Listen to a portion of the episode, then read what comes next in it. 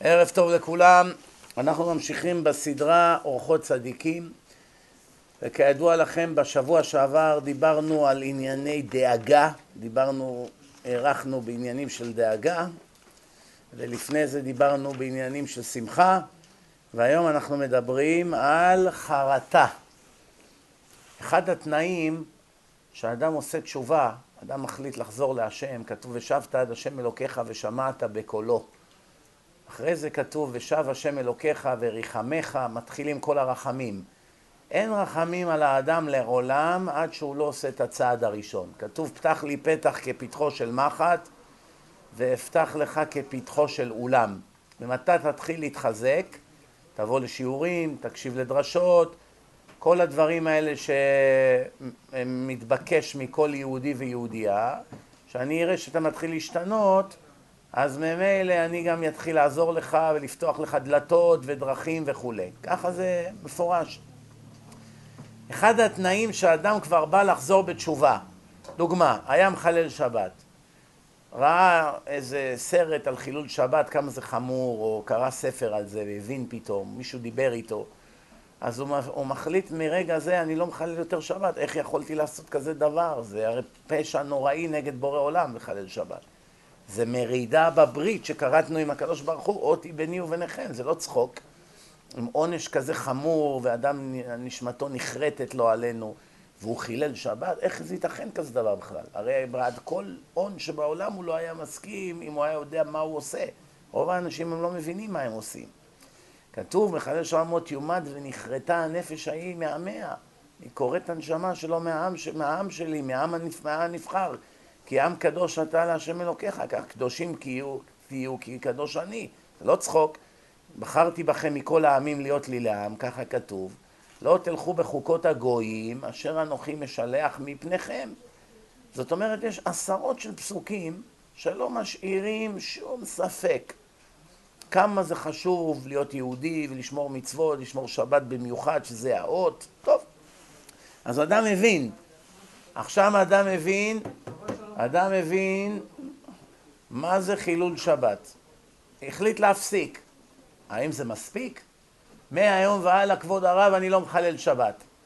ודאי שזה לא מספיק. ודאי ובוודאי שזה צעד ענק קדימה. שמהיום והלאה הוא כבר לא מקבל יותר לחשבון שלו עוד בעיות ועונשים. מעכשיו הוא כבר מפסיק לעבור על העבירה. אבל מה עם כל מה שהיה עד עכשיו, 20, 30, 40 שנה? כל השבתות שהוא חילל 52 שבתות כל שנה מגיל בר מצווה, נגיד שהיום הוא בן 43 או 30 שנה חילל שבת, מה זה צחוק? 30 שנה כפול 52 שבתות, אתה מדבר פה מעל 1,500 שבתות. זה נורא ואיום, ועל כל, כל דקה ודקה בשבת זה איסור בפני עצמו, זה מדליק אש, נוסע במכונית, מדליק סיגריה, זה כותב, זה משחק, משחק עם המחשב, זה משחק עם השלט של הטלוויזיה, כל פעולה זה מחילול שבת חדש, מה זה מיליארדים. זה מגיע לכמויות שאדם לא יכול לדמיין אפילו. אם האדם נפטר מן העולם ללא תשובה, אוי לו ואוי לנשמתו. אז הנה היום סוף סוף הוא הבין כמה זה חמור לחלל שבת וקיבל על עצמו שבת אני לא מחלל יותר. אני בא לבית הכנסת, מכיר קצת אנשים, מתארח אצל משפחות, מצידי תישן כל השבת, העיקר לא לחלל. האם זה מספיק בזה שהוא הפסיק לחלל כשהשם יסלח לו? התשובה היא לא. מה צריך? קודם כל צריך שהאדם יתחרט על זה שהוא היה מחלל שבת. יתחרט, חרטה אמיתית. הלוואי שהייתי יכול שלושים שנה עכשיו ללחוץ על כפתור, לחזור אחורה ולתקן הכל מההתחלה, אוי לי, איזה בושות. אני בוש ונכלם, בוש, בושתי במעשיי ונכלמתי להרים ראש, ככה כתוב. ועכשיו האדם פתאום מבין, וואו, כמה פגמתי בעולם, כמה הרסתי. אז מרגע זה והלאה, הוא מאוד מאוד מתחרט על העבירות שעשה. זה גם לא מספיק. צריך להתבייש. צריך וידוי כל יום.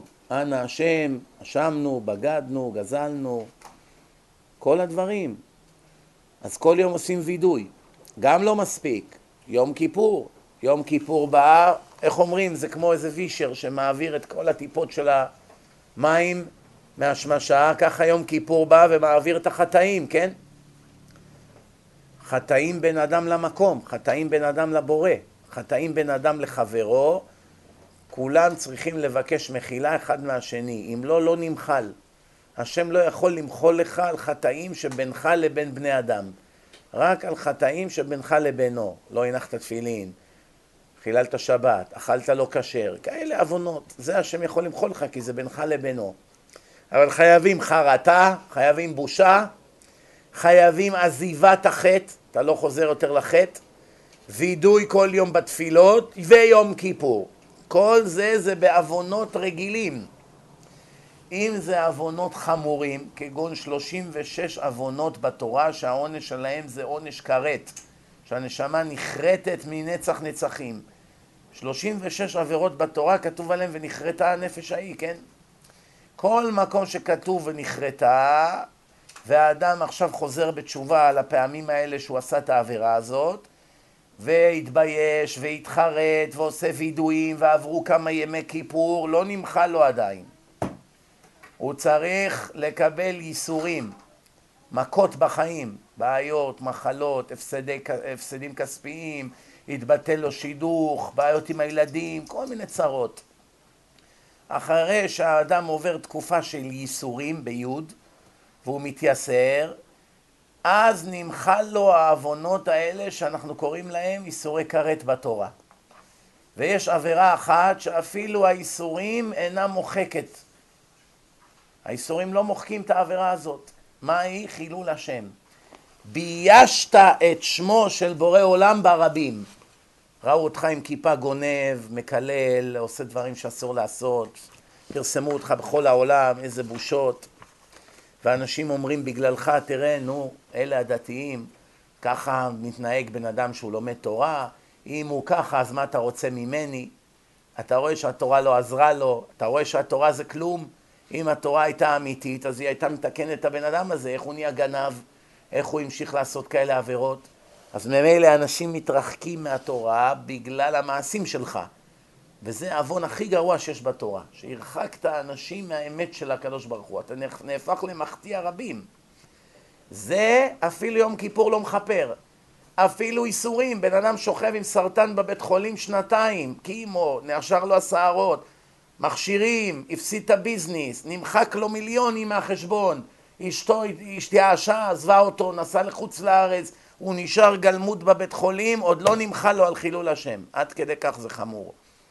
עד שנפח את נשמתו, אז נמחה לו. זה בתנאי שהתחרט, התבייש, עשה וידויים כל יום בתפילות, יום כיפור עבר, קיבל איסורים ומת. זה מתחפר לו החילול השם. טוב, היום אנחנו דנים בחרטה, לכן אני לא אדבר איתכם היום על וידויים, זה נדבר כשנגיע לקראת הסוף בסדרה, בפרק לפני האחרון, על תשובה. זה הפרק הכי משמעותי פה בספר, אורחות צדיקים, הוא גם הכי ארוך, שם יש עשרות של פסוקים מזעזעים את הלב ואת הנשמה. כל יהודי חייב לדעת אותם בעל פה, זה, זה פסוקים שכל כך ממחישים איזה מעלה ענקית להיות יהודי. ורוב היהודים היום עושים את כל מה שביכולתם כדי להיות גויים. בהתנהגות, בבגדים, בקעקועים שיש בכל, שכל אדם שני בארץ מלא בקעקועים. מחקים את הגויים שאין להם בכלל מה להציע. אין להם דת אמת, אין להם תורת אמת. החשיבות שלהם הרוחנית אינה מתקרבת בכלל לחשיבות של עם ישראל, כמו שיש פסוקים בתורה שמעידים. כי עם קדוש אתה להשם אלוקיך, בחר, בחרתי מכל העמים להיות לי לעם, יש עשרות של פסוקים. והיהודי במקום לשמוח ולהבין כמה בר מזל הוא, עושה את כל שביכולתו להתנער מהזהות היהודית שלו ולעשות את כל מה שהוא רק יכול כדי להידמות לעמים האחרים. שזה דבר אבסורדי ונובע מבורות, ולצערנו הרב יש לזה מחיר כבד, בסוף משלמים על זה מחיר כבד, כן? היום נתמקד בחרטה, תשמעו טוב, החרטה שאדם עושה דבר וחוזר בו, הוא מתנחם על המעשה, מתחרט. חבל שעשיתי, כל כך כואב לי הלב שעשיתי, הלוואי שהייתי יכול להחזיר את הגלגל אחורה. לא כמו אלה הבעלי תשובה שיושבים עכשיו בשולחן ומתחילה שיחה בין החבר'ה ואז הם אומרים The good old days זוכרים את הימים האלה שהיינו הולכים לקלאב במנהטן? וואו, זוכר את ההוא ואת ההיא ואת ההוא ואת ההם, כן? וקריסטין וכל השטויות שלו. פתאום עכשיו הוא עוצם עיניים ושט לו לימים שהוא היה רשע מרושע. נכון, אם היום תגיד לו, אז יאללה, אם אתה כל כך מתגעגע לימים האלה, תעלה על האוטו וסע למועדון, אתה כבר קווינס, מה זה קווינס, מה זה מנהטן, רבע שעה אתה שם. הנה עכשיו כנס, שלם עשר דולר, תכנס. לא, הגזמת, מה, אני לומד תורה, אני חזרתי בתשובה, אני לא, יש לי שיעור, גמרא, אני אוכל כשר, כל מיני דברים, מה, אני, מה, מה איתך אתה, מה, כבוד הרב, איך אתה אומר לי לעשות כזה דבר? אז כמובן שהוא לא יעשה, נכון? אבל עצם זה, עצם זה, שהוא עוצם עיניים ומתגעגע לימים שהוא היה עושה עבירות, אם זה עם נשים, אם זה בכספים, אני אתן לכם דוגמה, אני הייתי בשבתון באיזה מדינה, והיה שם איזה יהודי מסורתי כזה חמוד, עדיין לא שומר מצוות במלואם, אבל הוא בתהליך התקדמות. הוא לא, לא צעיר, הוא היה לדעתי מעל גיל 60. בקיצור, הלכנו בשבת קצת בין דרשה לדרשה, ואני שאלתי אותו, איך הגעת למקום הזה? הוא מספר לי, הייתי פה והייתי בקנדה, הייתי פה והגעתי לפה בסוף. הוא מספר לי את כל הסיפור. ואז הוא מספר לי במה הוא עבד. מתברר שהוא היה סוכן בחנות אלקטרוניקה. מי שמכיר, אתם צעירים, אתם לא כל כך יודעים, אבל בשנות התשעים המוקדמות, ישראלים כאן גרפו הון מחנויות אלקטרוניקה. רק לצערנו הרב, כמעט כל המכירות היו הונאה ורמאות. היו מרמים כאן גויים מאירופה שבאים, מוכרים להם איזה עדשה למצלמה באלף דולר, אומרים להם זה אינפרארד, זה אינפרה אדום, וזה מראיית לילה, וכל מיני סיפורים. והוא היה חוזר למדינה שלו, ועכשיו שם, לא הורד, לא, לא, לא סגול ולא אדום ולא כתום, כלום. סתם, עכשיו מה הוא יעשה? אז העולם אחר היה. ואז הרבה הם היו מוכרים ומרמים אותם ומוכרים להם סחורה סוג ב', כל מיני טריקים. עכשיו הוא, כבר הוא מתחיל להתחזק. כל השבת הוא יושב אצלי בשבתון, מתחזק, מת, מתעלה. בסוף אנחנו הולכים, אני רואה איך העיניים שלו נוצצות מהתרגשות. שהוא סיפר את הימים, איך כל יום הוא היה גורף אלף דולר מהגויים, אני מצטט אותו, המטומטמים שהיו באים וכאילו דורשים שנשדוד אותם. אז כל החיוך והערגה והגעגועים לימים שהוא היה עושה כספים לא כשרים, התפוצץ לו בפנים אחרי שהוא סיפר לי את הסיפור. אמרתי לו, רק שתדע, שאתה מעיקר הדין, כדי לחזור בתשובה ולהינצל מהגיהנום ולחזור בגלגולים של מסכן, חייב להחזיר את כל הכספים שגנבת עד היום מכל הגויים. כל מה שרימית אותם, כל מה שעשקת אותם, כל מה שסילפת ומכרת להם סחורה פגומה, אתה עכשיו חייב להחזיר לכולם את כל הכספים של כל השנים. לך תמצא אותם עכשיו. לך תמצא את האנס, לך תמצא את אחמד, לך תמצא את קריס, לך תמצא את כל אלה שגנבת מהם, גויים או יהודים, ולך תזכור כמה עשקת מהם, ומאיפה תביא את הכסף להחזיר. ואם לא תחזיר, אפילו תהיה שומר שבת, תלמד את כל התלמוד בעל פה, תהיה רב גדול, מה לא? יש לך עדיין מאות או אלפים או עשרות אלפים או מאות אלפים של עושק בידיך, אתה לא יכול לעולם להיכנס לגן עדן, לעולם, עד שלא תחזיר את כל הגזלות. ההוא, נס שהוא לא קיבל התקף לב, בואו נתחיל מזה. נמחק לו החיוב והגעגועים לימים של הכסף הקל, פתאום נמחק לו. עכשיו הוא הבין פתאום שבעצם זה היה בעוכריו. דרך אגב, הוא אמר לי משפט כזה, הוא אומר לי, איך אני אחזיר? הכל הלך. אמרתי לו, איך הכל הלך? סיפר לי סיפור. הוא הלך לאיזה מקום, היה איזה חנות שם, הם חיכו, הם לקחו את המקום, קרה איזה משהו, כל החנות נמחקה, הפסידו את כל הכסף. זרקו אותו, אימא של השותף פיטרה אותי, זרקה אותי, כל הכסף שהרווחתי פה הלך שם בשבוע. אז אני פטור, לא? הנה, השם לקח לי את הכל, כמו שאתה אומר. אתה לא פטור, אתה עדיין חייב הכל. האם אתה יכול להוכיח שהכספים שהשם לקח לך זה הכספים שגנבת מהחנויות, מהחנות אלקטרוניקה? אתה לא יכול להוכיח. אולי הוא לקח לך כספים שגנבת בגלגול שעבר. אולי כספים שהיית בארץ לפני שבאת לחוץ לארץ. אולי זה בכלל לא על כפרת נפש, היית צריך למות, אז לקחו ממך כסף במקום. מי אמר שזה הגזל? וגם אם זה הגזל, עדיין הוא לא חזר לבעליו. זה שהשם הרס לך איזה מכונית, או שמישהו גנב ממך, הכסף לא חזר לראובן ולשמעון ולקריס ולמוחמד, לא חזר אליהם. עד שלא יחזור מהיד שלך אליהם לעולם אין לך תיקון על זה. אז לפעמים אתה חוזר בגלגול ואתה נהיה משרת של איזה מישהו, והוא מתעלל בך ומרמה אותך ועושק אותך עשרים שנה, וכל זה זה בגלל שאתה עשית לו אותו דבר בחיים הקודמים וגנבת ממנו. לפעמים אתה צריך בעולם הזה לתת הרבה כספים לצדקה לרבים. למשל, אתה קונה כיסאות, שם אותם בכותל. אה, אתה תורם למקומות ציבוריים שהרבה מהאנשים משתמשים שם. למשל, כמעט כל אדם מגיע לכותל במוקדם או מאוחר. אז עצם זה ששמת שם כיסאות, דוגמה, ומישהו בא וישב שם, אחד שהיית חייב לו, הוא בא, הוא נהנה מתרומה שנתת, השם יגלגל שיתכפר לך. אבל לא, זה לא מספיק. יש עצה טובה מאוד, מה היא? יש עצה טובה מאוד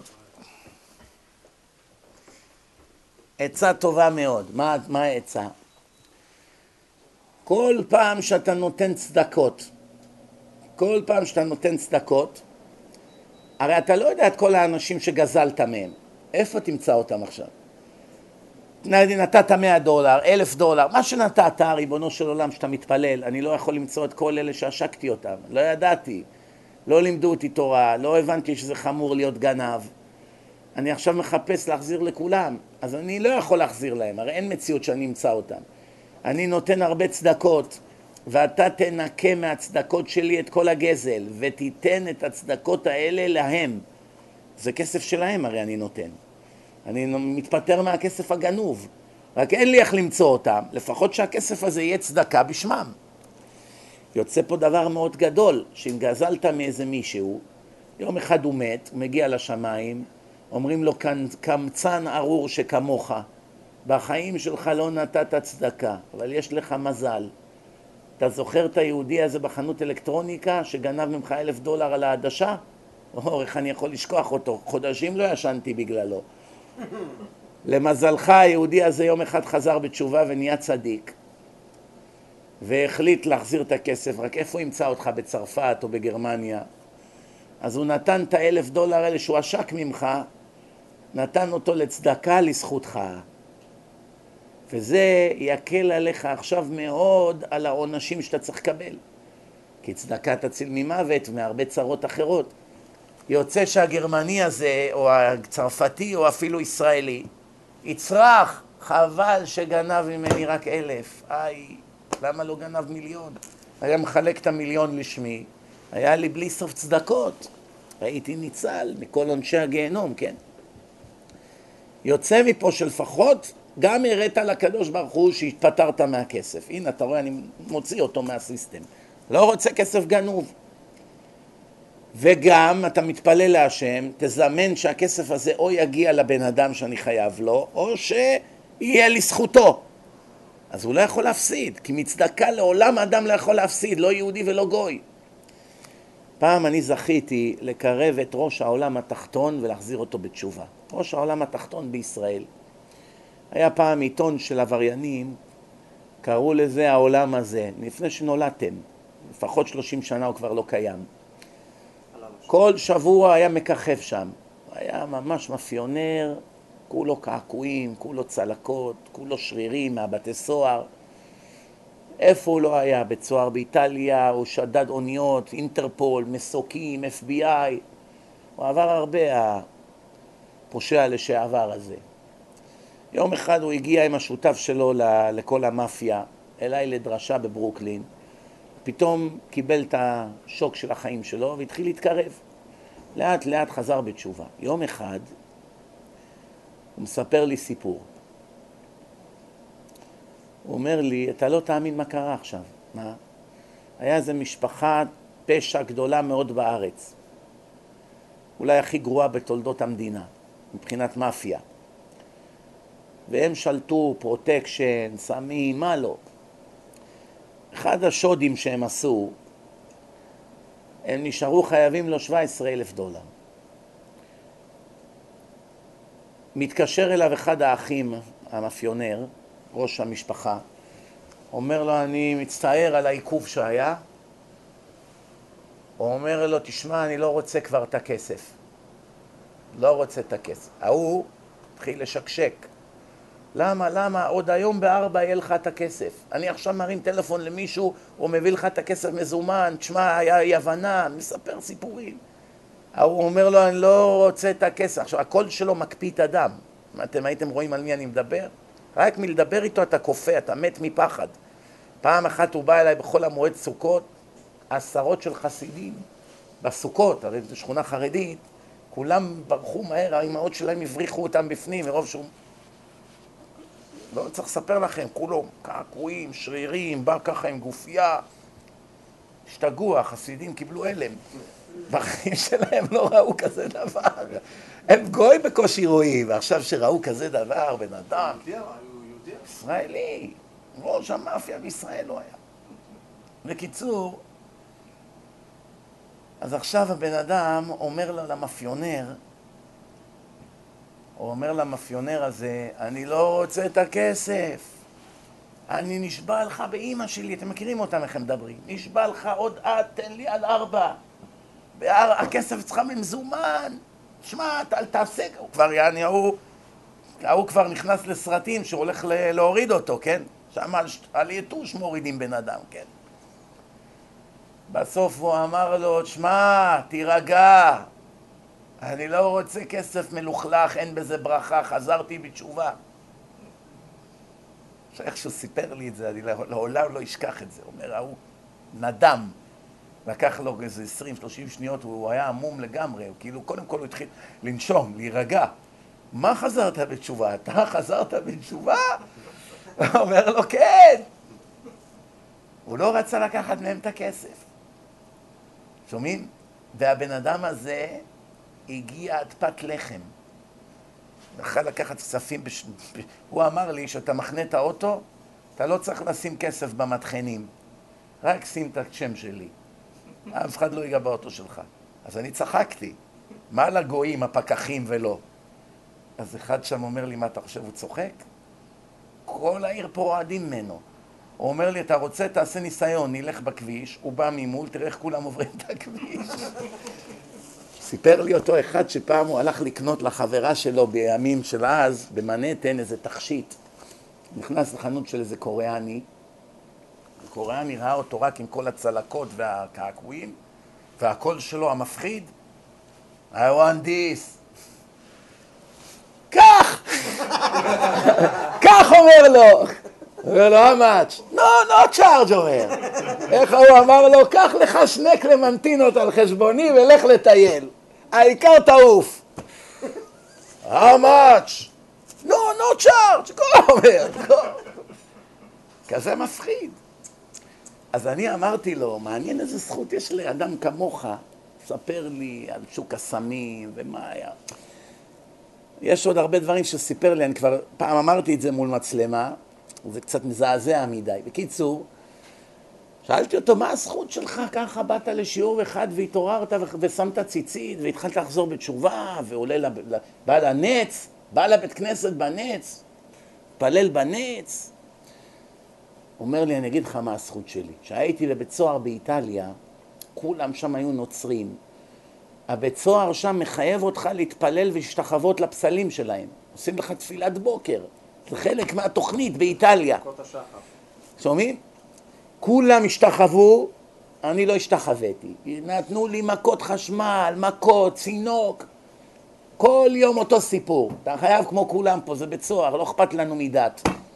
פה אתה חייב, זה התנאים. לא השתחוויתי. אמרתי, מי יודע, אולי בזכות זה השם פתח לו את העיניים. בקיצור, רבותיי, בן אדם לא רק מספיק שהפסיק עם הפשעים, צריך להתחרט על הפשעים. אומרים לו, תגיד, בסדר, עכשיו עשית תשובה ואתה כבר לא תחזור לפשעים, ונגיד השם גם מחל לך. אבל ביני לבינך, אתה לא מתגעגע לימים האלה שהיית נות... עושה ככה וכולם משתחווים לך, לך אתה לפה, לך אתה לשם, כולם רועדים ממך, אתה מתגעגע לימים האלה או שאתה בוש בהם? אז אם הבן אדם אומר לך האמת, אני מתגעגע אליהם. אני לא אעשה את זה כי אסור, אבל תכלס, הלוואי שהייתי יכול. הוא לא חזר בתשובה. כי התשובה האמיתית זה מבפנים, שאתה בוש ונכלם. איך דוד המלך, בושתי במעשיי, נכלמתי, כל מיני... אתה קורא את התהילים, אתה לא יכול שלא לבכות. אתה אומר, אם כזה צדיק ככה הרגיש, סמר מפחדך בשרי, כל מיני פסוקים. אתה אומר, מה יהיה עלינו? מה יהיה עלינו? אם דוד המלך, עזרא הסופר אמר, אני לא יכול להרים את הראש למעלה מהבושה של החטאים שלי. ועזרא הסופר, למה קוראים לו עזרא הסופר? מרוב שהוא היה גאון, כל מילה שהיית אומר לו בתורה, הוא היה אומר לך כמה פעמים היא מופיעה בכל פרק בשנייה, בלי לספור. כל הוא היה יודע בעל פה. לא היה סופר כותב מזוזות, כמו שחושבים. עזרא הסופר. מה מיוחד בסופר? יש אלפים אז בזמנם, כל בן אדם, כל אדם היה יודע לכתוב ספרות. כולם היו כותבים עם נוצרות, כמעט כולם ידעו. עזרא הסופר הכוונה היה בשנייה אומר לך, אברהם מופיע פה 35 פעמים, אבימלך כך וכך פעמים. היום יש תוכנות מחשב לזה, הוא היה הכל בראש היה לו. והוא אמר, אני לא יכול להרים את הראש. יש עוד הרבה גדולי עולם, הגדולים הכי גדולים, הם אמרו, בושתי במעשיי ונכלמתי בעוונותיי, אין לי פה להשיב, אין לי מצח להרים ראש, לך חטאנו, גברו עוונותיי, כל מיני פסוקים כאלה. אבל זה לא סתם עכשיו מישהו בא נותן לך איזה נאום סרק, ככה הם באמת הרגישו. לכן אדם שלא יתחרט, רבותיי, התשובה שלו היא לא מושלמת, לא נמחל לו. אם הוא עוצם את העיניים ומתגעגע לימים שהייתה לו חברה ועכשיו הוא כבר שנה שומר על הברית. כבוד הרב, אני שמעתי קצת דרשות על תיקון הברית, הזדעזעתי, מה, אני שומר על עצמי. ברוך השם, אני מה, ואני חס וחלילה יש לי תאונה, אני עושה מיד תשובה ומקווה ומתפלל ונותן צדקה ותיקונים ו... אבל עם יד על הלב, עכשיו אתה פתאום עובר ברחוב ורואה את החברה שלך מלפני שנה. מה נשמע, איציק? איך בישיבה? וואו, עושה לה ככה רושם, מסיר את הכובע בפניה. איך בישיבה? ברוך השם, התחזקתי, איזה יופי, ראיתי, גיליתי את האמת. מכירים את הנאומים של הבעלי תשובה, לא? בסוף היא אומרת לו, וואו, אתה היית אהבת חיי, בחיים לא אשכח אותך, והלכה. הוא בא הביתה עכשיו סרטים, דופק את הראש בקיר, ריבונו של עולם, למה אתה מענה אותי? תן לי רק פעם אחת לחזור לימים ההם לדקה ואני אחזור. זה לא נקרא בעל תשובה. הרמב"ם במפורש כותב בהלכות תשובה, איזה הוא בעל תשובה גמור? אחד, שעכשיו הייתה לו הזדמנות לחזור לחברה שלו, לעשות את העבירה, והוא עומד בתאוותו אליה, ולא שיזדקן או שנהיה חסר אונים והוא כבר לא יכול לעשות עבירות. הכל אצלו בוער כמו אש. והוא יכול, והתרצתה לו, והוא לא עשה. הרי זה בעל תשובה גמור. זאת אומרת, אם בניסיון כזה הוא יעמוד, הוא כבר יכול לעמוד בהכל. אף אחד לא מתקרב לכאלה ניסיונות, במיוחד אצל הצעירים. תראו את רוב הבחורים הצעירים בארץ. 90 אחוז מהשאלות שאני מקבל זה תיקון הברית. יש שאלות על שבת, יש שאלות על כשרות, על גזל, על הכל. 90 אחוז מהשאלות תיקון הברית. זרע לבטלה, עבירות עם נשים, כל מיני כאלה דברים. זה הבעיה המצויה היום בדור. אנשים לא מתלבשים, אנשים מתנהגים כמו בהמות, העולם נהפך להפקרות, רצחו את הנשמות של כל בני ובנות ישראל בבתי הספר בארץ, שלטי זימה בכל פינה, וגידלו שם דור של פרא, פראי אדם, מסכנים, אנשים הם לא אשמים כבר, זה כמו שאתה מגדל, אתם יודעים איך, איך, איך הופכים כלב לרוצח, נותנים לו בשר חי עם דם, גורמים לו בכוח להיות רוצח. אם היו מגדלים אותו כחיית מחמד וכולי, הוא לא היה ככה. הם בכוונה עושים את זה שהוא יהיה ככה, איך שמגדלים אותו ככה הוא נהיה. אז ככה גידלו כאן את הילדים. כל חצי מהחיים שלהם זה סרטי פשע, רציחות, קללות, יריות, כורתים לאנשים את הראש, זורקים אנשים מבניינים, יורים, חרבות, מכות, קראטה, גרופים, זנות, סמים, מראים לך בסרטים איך אנשים מזריקים הרואין. עשו את כל מה שרק אפשר לרצוח לנו את הילדים ואת הילדות. הכל. וזה התוצאות. תראו מה הולך היום בארץ.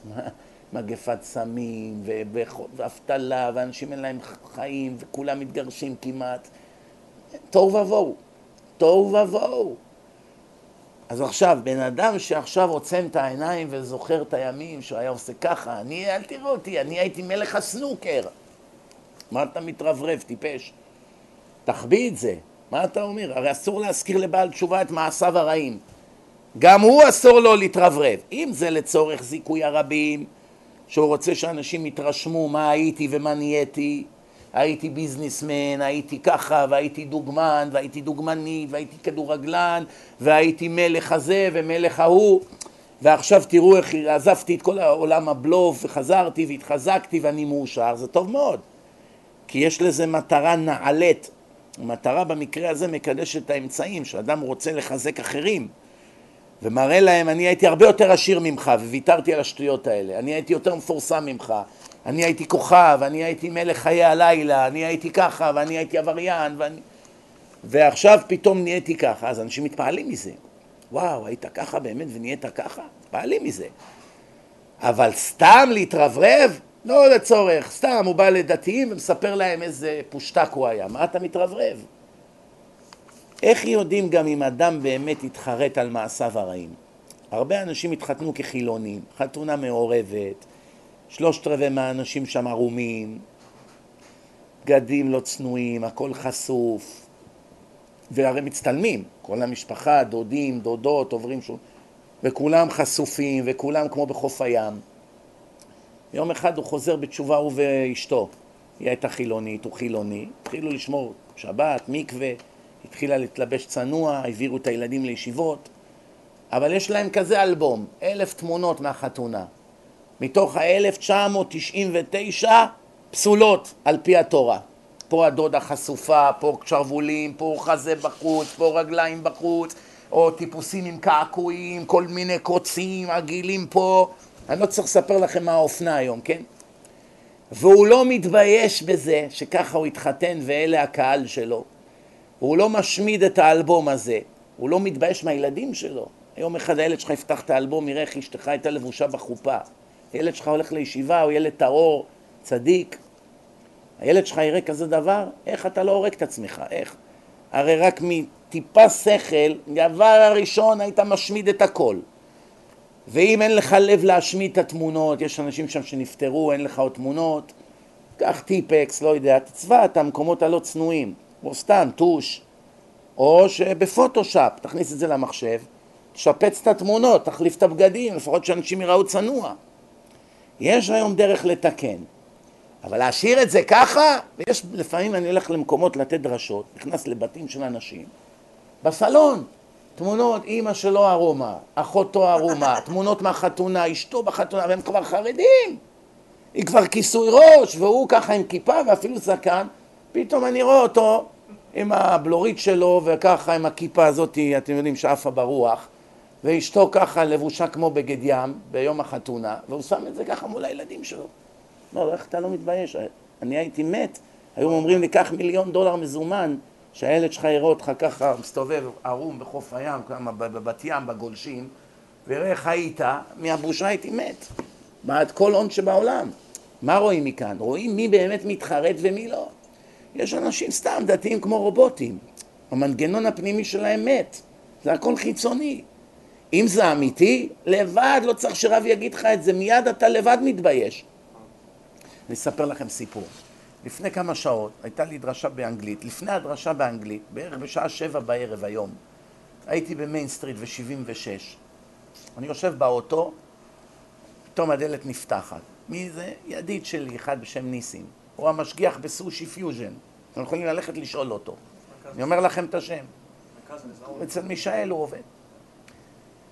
ניסים, אהלן ניסים. מי זה ניסים? יש לי היסטוריה ארוכה איתו. לפני עשרים שנה, בברוקלין, הוא אומר לי, כבוד הרב, אני חייב להביא אותך לדירה של איזה ידיד שלי, יש שם איזה אחד, שף צרפתי, בן ארבעים, הוא... אתה חייב להחזיר אותו בתשובה. אני אומר לו, תשמע, השיעור עכשיו כבר 12 בלילה, מתי נתחיל, מתי נגמור? זה מקרה חירום, אתה חייב לבוא. טוב, הלכתי לשם. אני רואה בחור בן 25 ישראלי, גר ביחד עם בחור בן 40, צרפתי, יהודי צרפתי, איזה ז'אן אחד, ושניהם חילונים, ואני מתחיל לדבר עם הצרפתי, וכל שנייה הצרפתי אומר לי, שייקח אותי, הוא מדבר על הקדוש ברוך הוא, שיהרוג אותי, אני לא רוצה בכלל לחיות, הוא מראה לי חורים בקירות.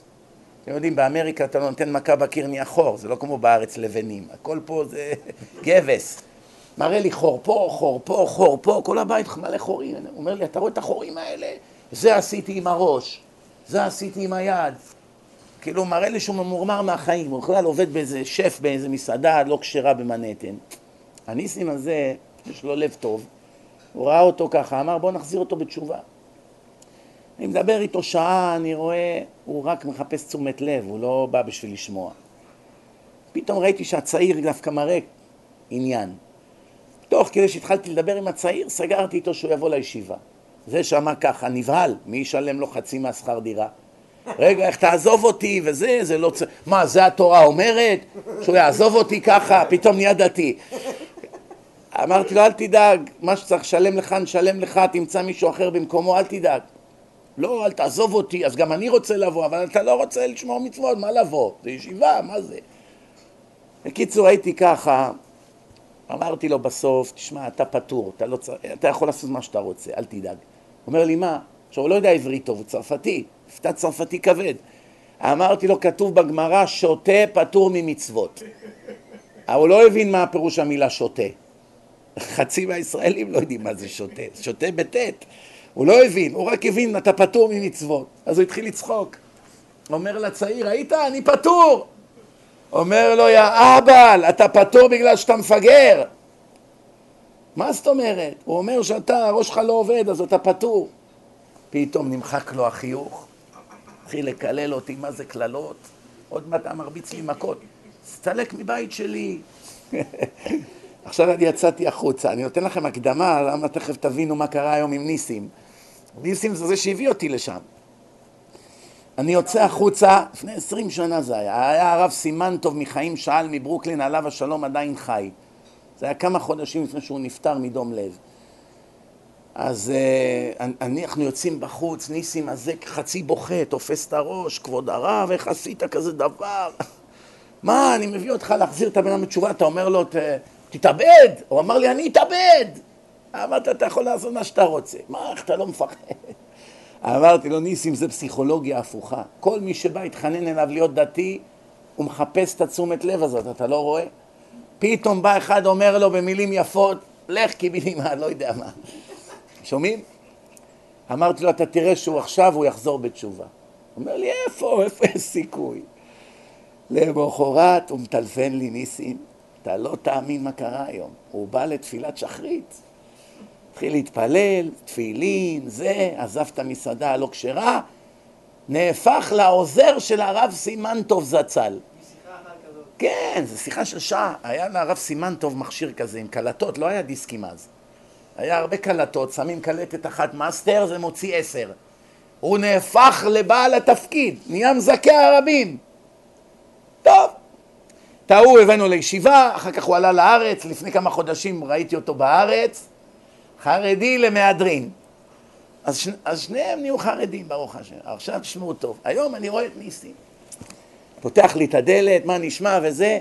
אומר לו, ניסים, אתה זוכר את הצרפתי וזה?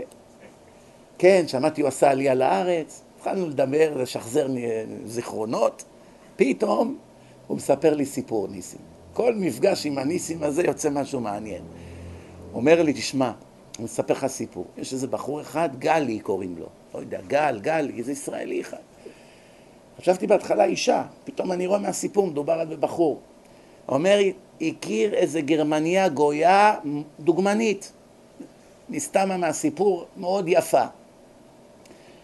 עכשיו הוא מתחיל לחזור בתשובה, הבאתי אותו לרבנים, לשיעורים, אבל הוא תפוס בגויה. אומר לי, אני לא עוזב אותה, אני לא מוותר עליה. תגיירו אותה. אומר, טוב, תביא אותה, נראה אם היא רצינית. הביאו אותה לגיור, הסבירו לה מה זה, נדלקה. אני רוצה להיות יהודייה וזה. שלחו אותה לגיור אמיתי. הפרידו ביניהם, היא עכשיו עוברת תהליך של לימוד. מצא חן בעיני היהדות, נהייתה חרדית. חזרה בתשובה. עכשיו זה אין לו ברירה, הגלי הזה, הוא חילוני. איך אומרים? אכל אותה, אכל אותה. עכשיו אין לו ברירה, אומרים לו, אתה רוצה להתחתן איתה? איך אתה... אנחנו לא ניתן לה תעודת גיור. מה, היא תתחתן איתך, אתה תחלל שבת, תוריד אותה מהדרך. גם אתה צריך, צריך לעבור גיור, אבל אתה כבר יהודי, אל תדאג, רק ת, תחזור בתשובה. קיצור, הגויה הזאת החזירה אותו בתשובה, היא התגיירה, התחתנו, נולד להם ילד יפה תואר. הוא אומר, במגזינים אין כאלה ילדים יפים. ילד, פנים יפות. לאט לאט הם, אה, במסגרת העבודה, הם עברו לגור בלונדון. עברו ללונדון. היום הוא רב, דרך אגב, הגלי הזה. הוא אמר לי שהיום הוא רב באנגליה בבית כנסת של תימנים. טוב. בקיצור, הוא אמר לי, שמע טוב מה קרה. הוא אומר, הם הגיעו ללונדון, חיו תקופה, נולד להם הילד הזה, התגרשו. לא הסתדרו, התגרשו. מחלה של הדור, גירושים. אחרי שהתגרשו, פתאום היא אומרת, אני לא רוצה יותר להיות דתייה. אני חוזרת להיות גויה. היא חושבת שזה תוכנית כבקשתך. תלחץ פה אם אתה רוצה להיות יהודי, תלחץ פה אם אתה רוצה להיות גוי, תלחץ פה אם אתה רוצה לחזור להיות גוי. הם לא מבינים, ברגע שאתה נכנס למים, נכנסת קריס, יצאת אברהם. נכנסת כל מיני קריסטינה, יצאת שרה. אין, אין דרך חזרה. אין אף רב בעולם, אפילו משה רבנו לא יכול להחזיר אותך להיות גוי. ברגע שנכנסה בך הנשמה היהודית, נגמר הסיפור, נכנסת למקווה, נגמר הסיפור. אבל היא פרקה עול. עכשיו יש לה ילד בחדר בלונדון, לומד בישיבה, פאות, כיפה, הוא עדיין הולך לישיבה. הכירה גוי גרמני, הסיפור מסתבך. הכירה גוי גרמני, עובר לגור איתה, ויש לה את הילד הזה, הולך לישיבה כל יום וחוזר, והיא כמו גויה כבר. יהודייה שנהייתה חילונית עכשיו. לאט לאט הגוי מתאהב בילד הזה. הילד מלמד אותו תורה, הוא רואה את החוכמה שלו מהישיבה, גוי השתגע, וזה גוי משכיל, חכם. הוא נדלק על הילד, אומר לה, את יודעת מה, את רוצה שאני אתחתן איתך ואני אביא איתך ילדים? אך ורק כאלה ילדים אני רוצה. ואני מבין שבשביל זה אני בעצמי צריך להתגייר, ואני אוהב את זה. רוצה להתחתן איתי? תחזרי להיות איך שהיית. עכשיו, איך אומרים? הכל התהפך. היא גרמה לישראלי להיות, לחזור בתשובה, נהיה רב. עכשיו היא ירדה מן הדרך, שלחו לה מישהו שיעשה לה אותו דבר. שימו לב. חזרה בתשובה. התחתנה עם הגר צדק הגר, הגרמני הזה, עלו לארץ, אם אני זוכר נכון, הם עלו כבר לארץ בינתיים. זה הסיפור. מדהים. איך נסתרות דרכי השם. אתה לא יכול להבין, מפעולה מוזרה כזאת, לפעמים אפילו מעבירה, אחרי כמה שנים פתאום מתפתח משהו שלא חלמת.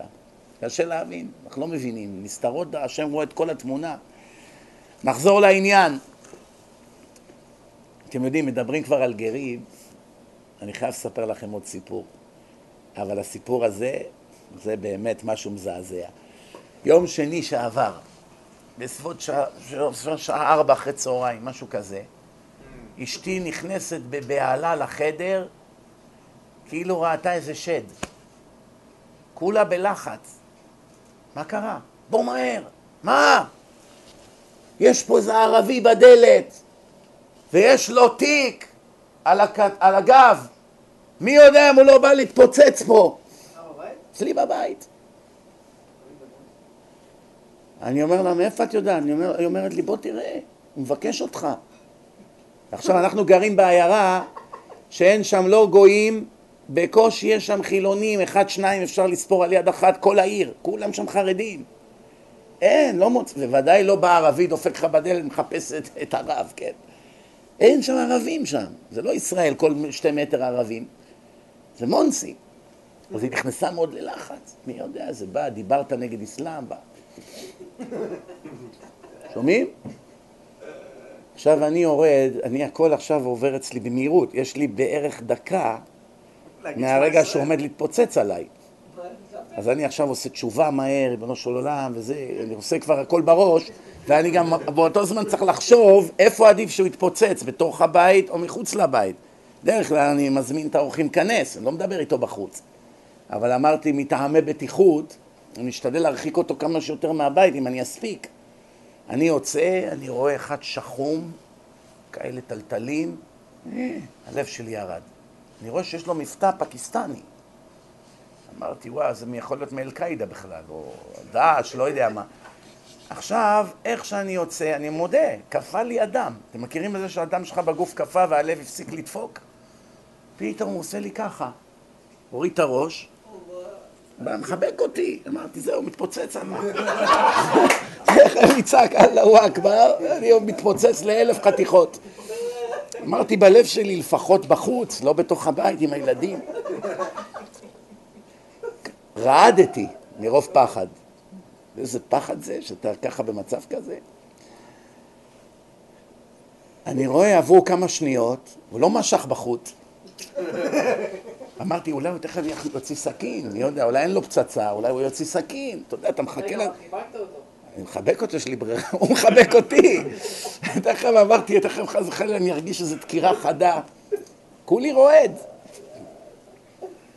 פתאום אני, הוא, הוא נפרד מהחיבוק, אני מסתכל עליו, הידיים שלו ככה רועדות, במהירות כזאת.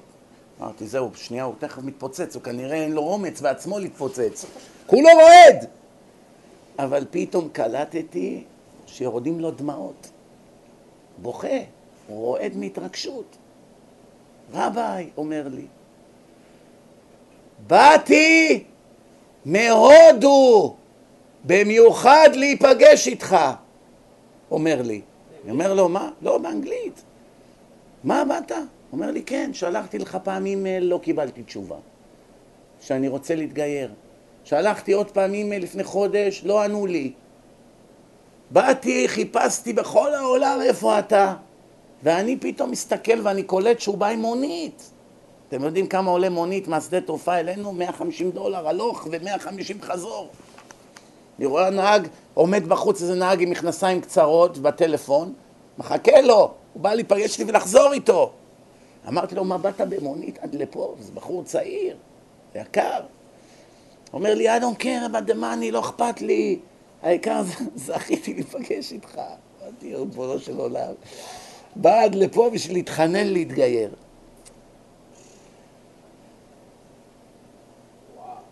זה מדהים, אני אומר לה. לא סתם כתוב בגמרא. דרך אגב, הוא לא הפסיד מאז עד עכשיו דרשה אחת, הוא נשאר פה בינתיים. היום הוא היה, שבוע שעבר הוא בא לברוקלין, הוא יושן אצל איזה מישהו בקווינס, באזור של גויים, אבל מה שמצחיק, הוא בא לשיעור שלי בברוקלין ביום, ביום שלישי שעבר, ויש שם איזה אחד רווק, משועמם. אמרתי לו, אתה יכול לקחת אותו טרמפ לרכבת? התחברו, כבר נהיו חברים. היום הם באו ביחד לשיעור.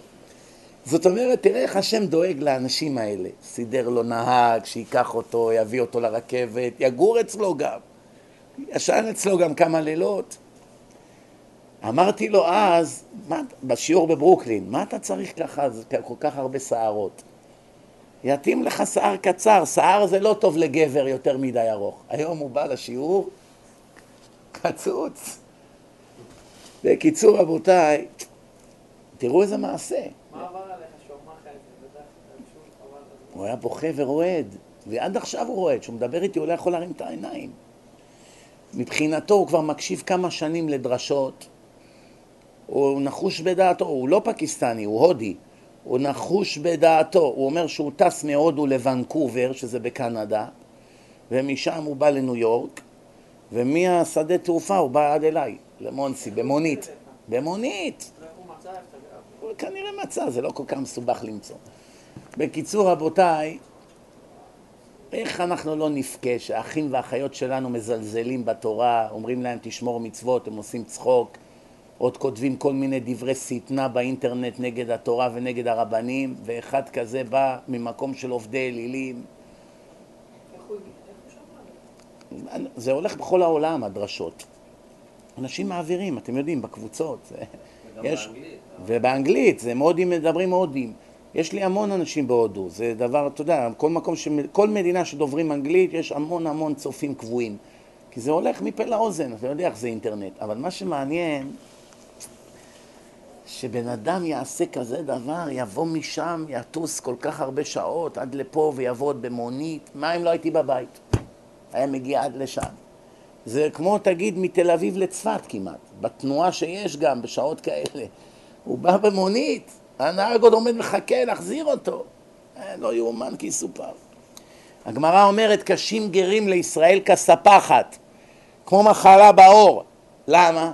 הרי כתוב שהקדוש ברוך הוא פיזר את היהודים בכל האומות כדי להרבות עליהם גרים, ללמד את התורה לכל העולם, להפיץ את האמת. ישראל זה אור לגויים, כן?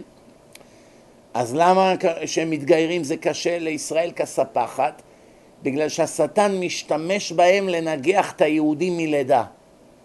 הוא בא לקדוש ברוך הוא, אומר לו, תראה את הבנים שלך, נולדו יהודים, גדלו בבני ברק, גדלו בכל מיני חולון, תל אביב, ירושלים, מצפצפים עליך, אפילו שהם דתיים הם מזויפים, הם מודרניים, הכל חצי חצי, הכל חפיף, תראה בשעה הם מתפללים, תראה איך הם מניחים תפילין, תראה את השבת, תראה... ותראה את זה, היה אחמד נהיה שומר מצוות, תראה איך הוא פנה, תראה את ההוא היה כומר, תראה מה הוא נהיה, תראה את ההיא הייתה לא יודע מה, תראה מה היא נהייתה. שטן משתמש בזה כדי לקטרג עלינו. ואז באמת אנחנו בצרה, כי אתה נולדת לאיזה רב, או נולדת, או דוד שלך רב, או שהיית בישיבה בילדותך, או שאתה איזה תימני שגדלת בעקרון שם, עם, או ברחובות עם כל הדתיים, ופתאום פרקת עול ונהיית פושטק, ואפילו שחזרת בתשובה, הכל הולך קשה, ובא הגוי הזה מצ'כוסלובקיה, הונגריה, לא יודע, כל מיני רומניה, ונהיה חרדי למהדרין, אז הוא, הוא מביא עלינו קטרוג. השטן עושה מזה מטעמים. תראה, אלה גדלו כגויים, תראה איך הם נהיו. ואלה גדלו כיהודים, ותראה איך הם מתנהגים. הבנתם מה הבעיה פה? טוב, נתקדם כי צריכים לסיים. יש עוד טעות חמורה מאוד שעושים אותם בעלי תשובה. טעות חמורה מאוד. כמה פעמים קרה לך בחיים שעשית חסד למישהו ואחר כך הוא אכזב אותך? דקר אותך בגב. ועכשיו אתה אומר לאשתך או לחברים שלך, חבל שעזרתי לו, סתם בזבזתי עליו זמן. או שניסית להחזיר מישהו בתשובה 20, 30, 50 שעות השקעת בו, לא חזר בתשובה. בסוף אתה אומר חבל כל הזמן הזה שבזבזתי עליו. ברגע שבן אדם מתחרט על מצווה שהוא עשה, הוא מפסיד במקום את שכר המצווה. חמישים שעות השקעת בחילוני הזה, לא חזר בתשובה. אמרת חבל, שרפתי סתם זמן, הלוואי שלא הייתי עושה את זה. הפסדת את החמישים שעות. כל שעה שלימדת אותו תורה, שישים אלף מצוות. כפול חמישים שעות, כמה זה? מיליונים של מצוות, שלוש מיליון מצוות. הכל נמחק ברגע, למה אמרת שאתה מתחרט. מה יש לך להפסיד? אם חזר בתשובה, כל המצוות שישמור בא לך לחשבון לנצח. הוא, הבנים, נכדים, כולם. ואם לא חזר בתשובה, החלק שלו, כל ישראל יש להם חלק לעולם הבא. כל יהודי נולד עם חלק, עם כרטיס. הכרטיס שלו לחיי הנצח עובר אליך. מה, אתה, אתה לא יכול להפסיד בחיים. גם אם דיברת איתו ולא חזר בתשובה, הוא הרי מפסיד את החלק שלו לעולם הבא. הוא לא רוצה לשמור שבת. אין לו חלק לעולם הבא, הקדוש ברוך הוא כורת את נשמתו, אבל החלק של הנשמה שלו למי הולך? לזה שהשקיע בו מאמץ להחזיר אותו בתשובה. שומעים? אז אתה לא יכול בחיים להפסיד. א', אתה מקבל שכר על השעות שלימדת אותו. ב', על המאמץ. ג', על כל הזיעה ששפכת עליו. ד', אם הוא לא חזר, אז החלק שלו בא אליך, אז אתה רק מרוויח. ואם חזר, אז אתה עושה מיליארדים של מצוות בלי לעשות כלום. מכל מה שהוא יעשה. אז אי אפשר בחיים להפסיד בזיכוי הרבים, בחיים. רק בדרך אחת אפשר להפסיד, שאתה אומר, אני מצטער. נגיד היה לך אורח, שנה הוא מתארח אצלך כמעט כל שבת. בסוף שמעת שהוא עשה איזה משהו, אתה כבר לא רוצה שהוא יבוא יותר. סליחה, מחילה, אני לא ידעתי מי אתה, עכשיו שהתברר לי, לא רוצה שום עניין איתך. סילק אותו. עכשיו הוא בא לאשתו, והם ביחד יושבים ואומרים, אה, חבל, שרפנו סתם שנה על הרשע הזה. ומה קורה בסוף? את כל האירוח, כל השבתות, כל התורה שלימדו אותו, כל הטרמפים שהביאו אותו מהרכבת לבית והחזירו אותו, כל החסדים, בגדים שנתנו לו, חליפה, כסף, לא יודע מה. לא חסר חסדים, כן? הכל נמחק. זה רק אם הוא מסכים איתה. לא, זה רק אם הבן אדם עצמו מתחרט. אם האישה מתחרטת והבעל לא, היא מפסידה. אם הבעל מתחרט והאישה לא, הוא מפסיד. אם שניהם מתחרטים, שניהם מפסידים. לכן, לעולם אל תגיד שאתה מתחרט על מצווה שעשית למישהו, לעולם. גם אם הוא יצא נבל הכי גדול. כמו טמבל, הסעתי אותו שנה, פראייר, ניצל אותי. אל תדבר ככה. אני עשיתי בשבילך ריבונו של עולם, אני לא נביא. אני לא יודע מי צדיק, מי לא. חשבתי שהוא טוב, עשיתי לשם שמיים. כיוונתי לעשות מצווה. היום יצא שהוא נבל. מה אני יודע? עזרתי לו, עשיתי בשבילו. התברר שהוא לא מה שחשבנו. אבל אני את שלי עשיתי בשבילך, לא בשבילו. מה, אני עשיתי בשביל העיניים שלו? בשביל מה עשיתי? אבל מקח טעות זה בסדר.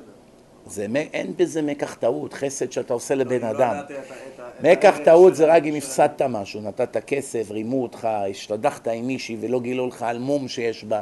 זה נקרא מקח טעות. אבל פה לעולם אי אפשר להפסיד מחסדים. אם חשבת שהבן אדם צדיק ועזרת לו, ובסוף התברר שהוא לא, מה שעשית, הרווחת. ועכשיו תעבור לצדיק אחר. אבל לפחות את מה שעשית לעולם אל תתחרט. אני אקרא לכם את זה פה. תיזהר שלא תתחרט על הטובות, שלא תאבד שכרך. אם נתת לעני צדקה ואחר זמן הכעיסך, גרם לך כעס, היזהר שלא תתחרט על הטובות שעשית לו. כיוון ש...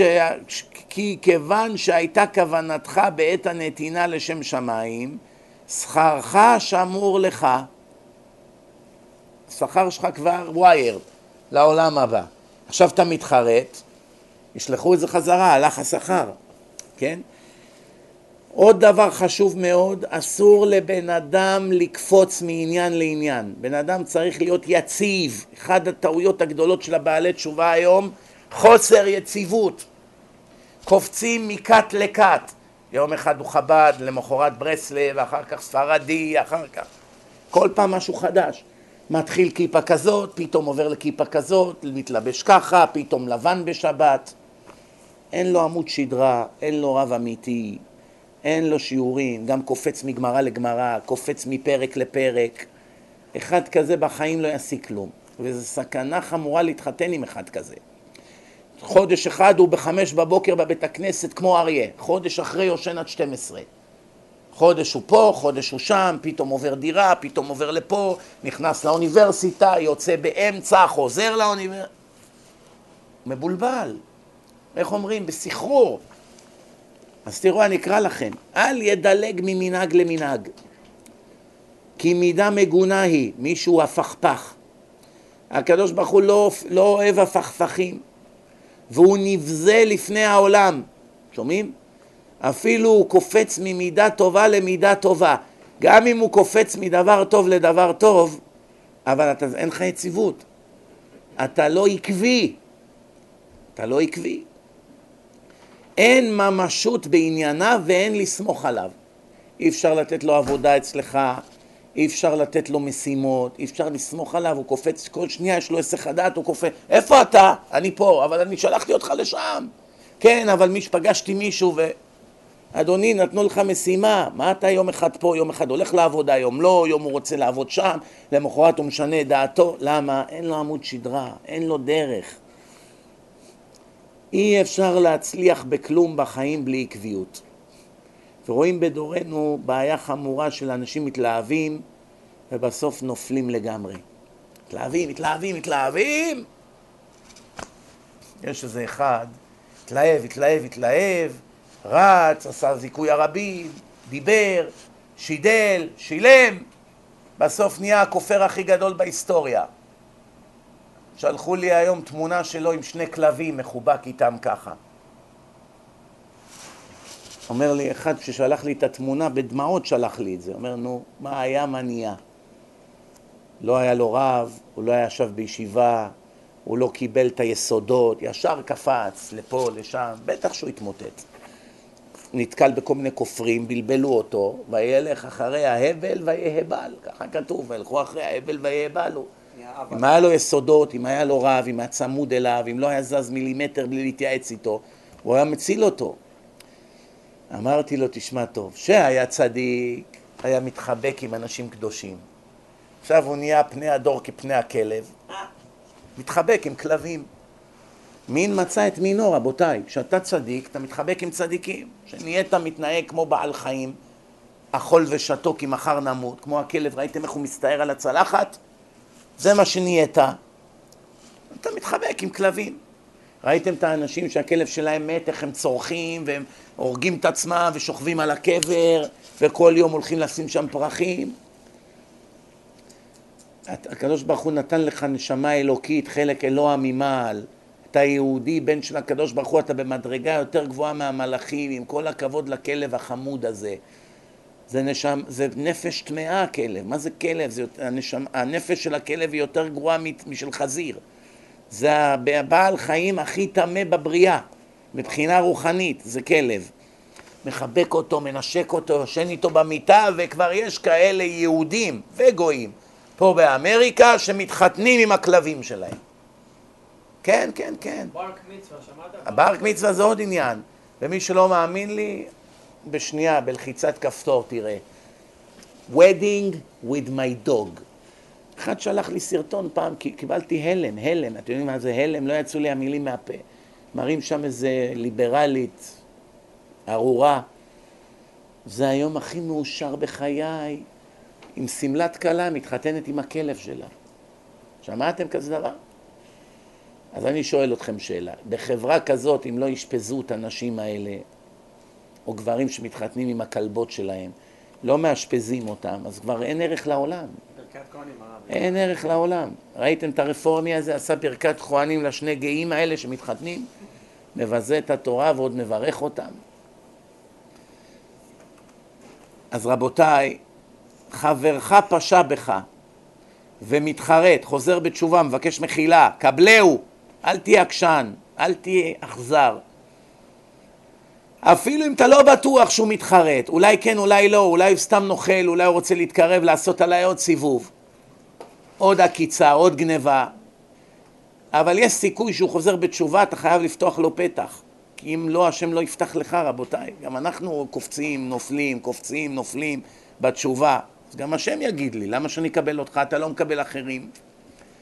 אם הוכחת אותו בדברים קשים עד שנהפך לשונא שלך. תתבייש לך, אתה בא לבית הכנסת במכונית בשבת, אתה לא מתבייש? אתה עושה עבירה שיותר גרועה מרצח בשביל לבוא לבית הכנסת? תתפלל בבית, והוא לא שומע לך, ואתה מנדנד לו, עד שבסוף נהיה ביניכם קצר. נהייתם אויבים. ואז אתה מחליט לבקש ממנו מחילה. אלול מגיע, איציק, זה אבי, כן, אבי, מה אתה רוצה ממני? עוד פעם לעצבן אותי? לא, לא, חס וחלילה. אני התקשרתי לבקש ממך מחילה. דיברתי אליך לא יפה, גערתי בך, הוכחתי אותך, מי אני? זה לא תפקידי. יכול להיות שאתה צדיק, אני לא שופט אותך. מכירים את השיחות האלה? השיחה הזאת זה מצווה או עבירה? מה אתם אומרים? עבירה חמורה, I don't repeat anything. אתה צריך להתרכז בשיעור. לא תתרכז, הפסדת. שומעים?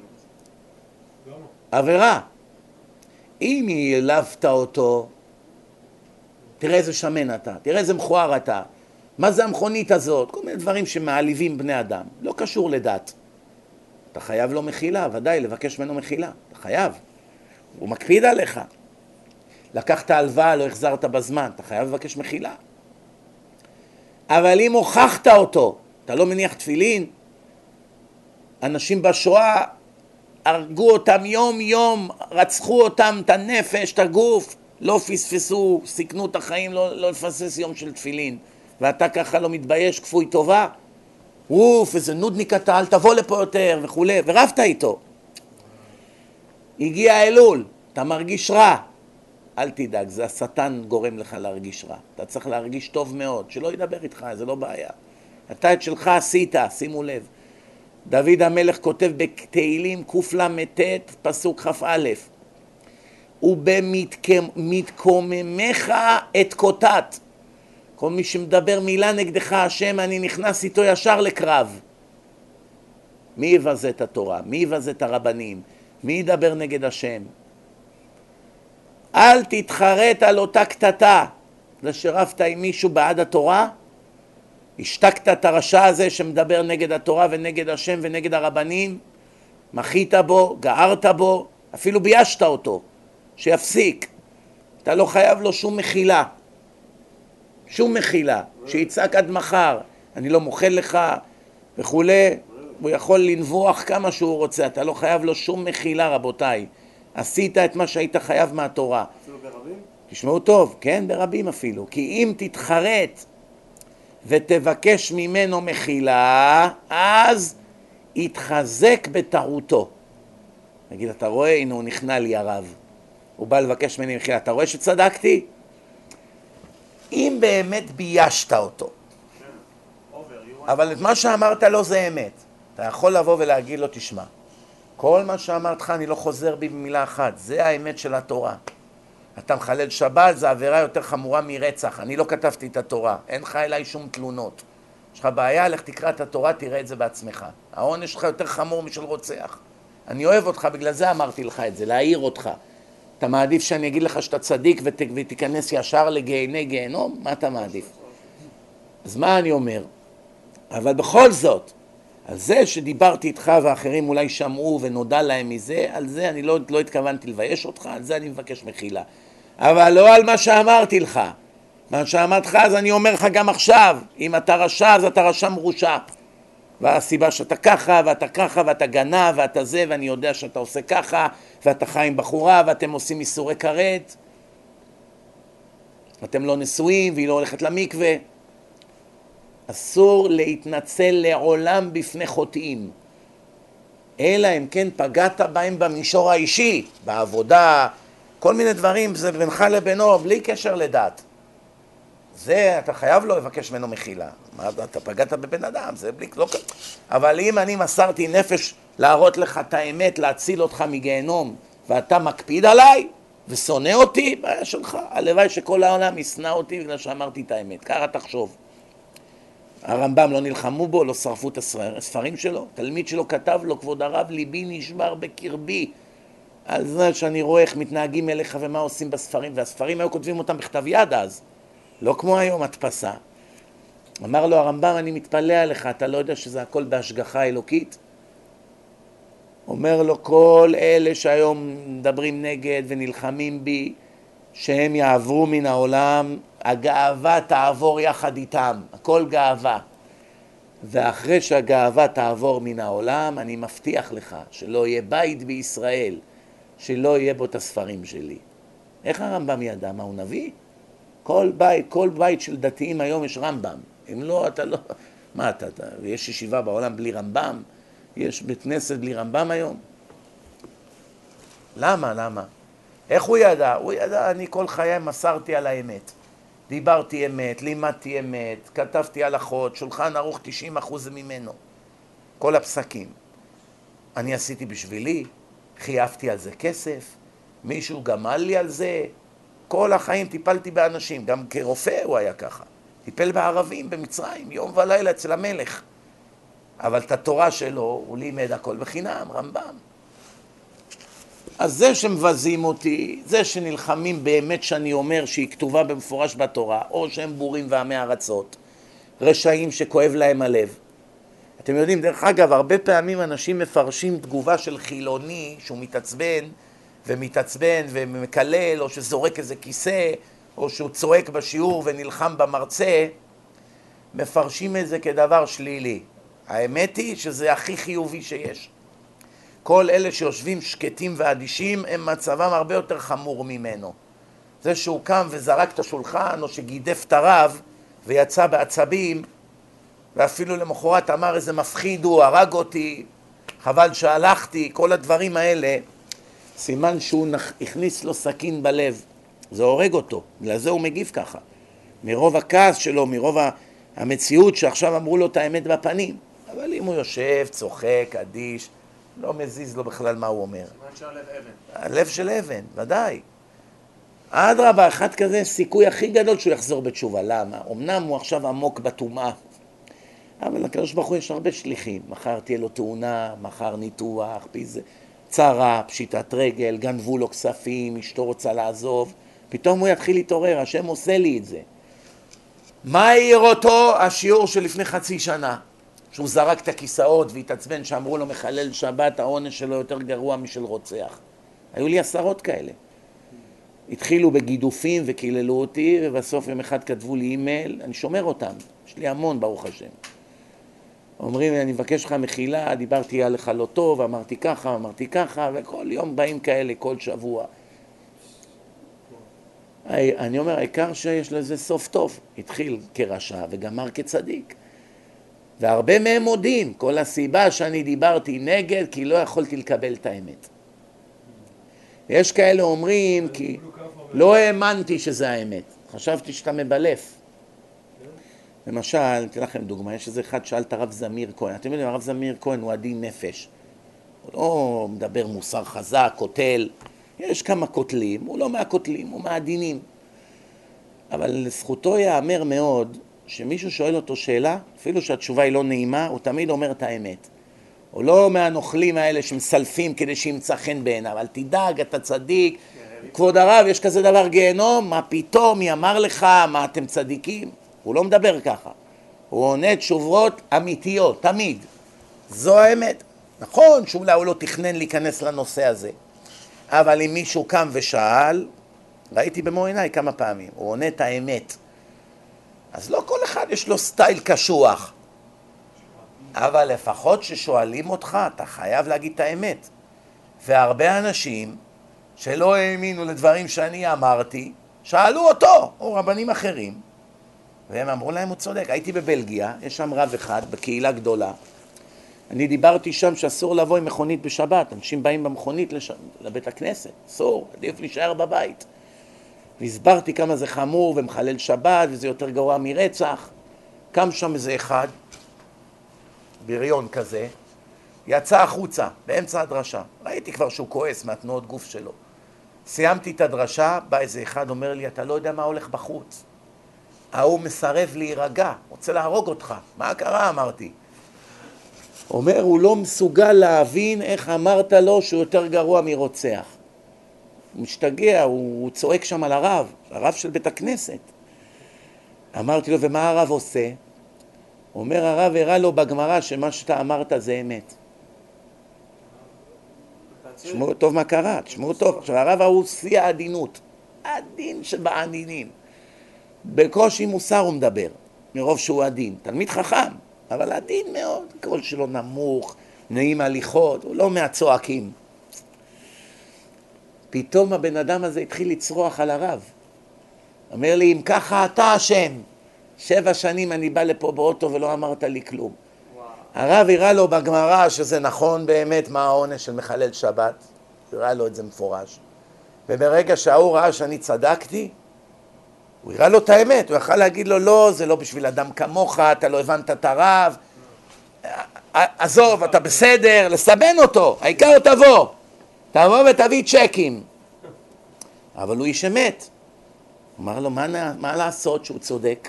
זה ככה כתוב, לא אומר משהו מדעתו. הראה לו את זה בגמרא, מה אתם חושבים קרה? התחיל לצרוח עליו, אתה אשם. שבע שנים אני בא לפה באוטו, למה לא אמרת לי את זה?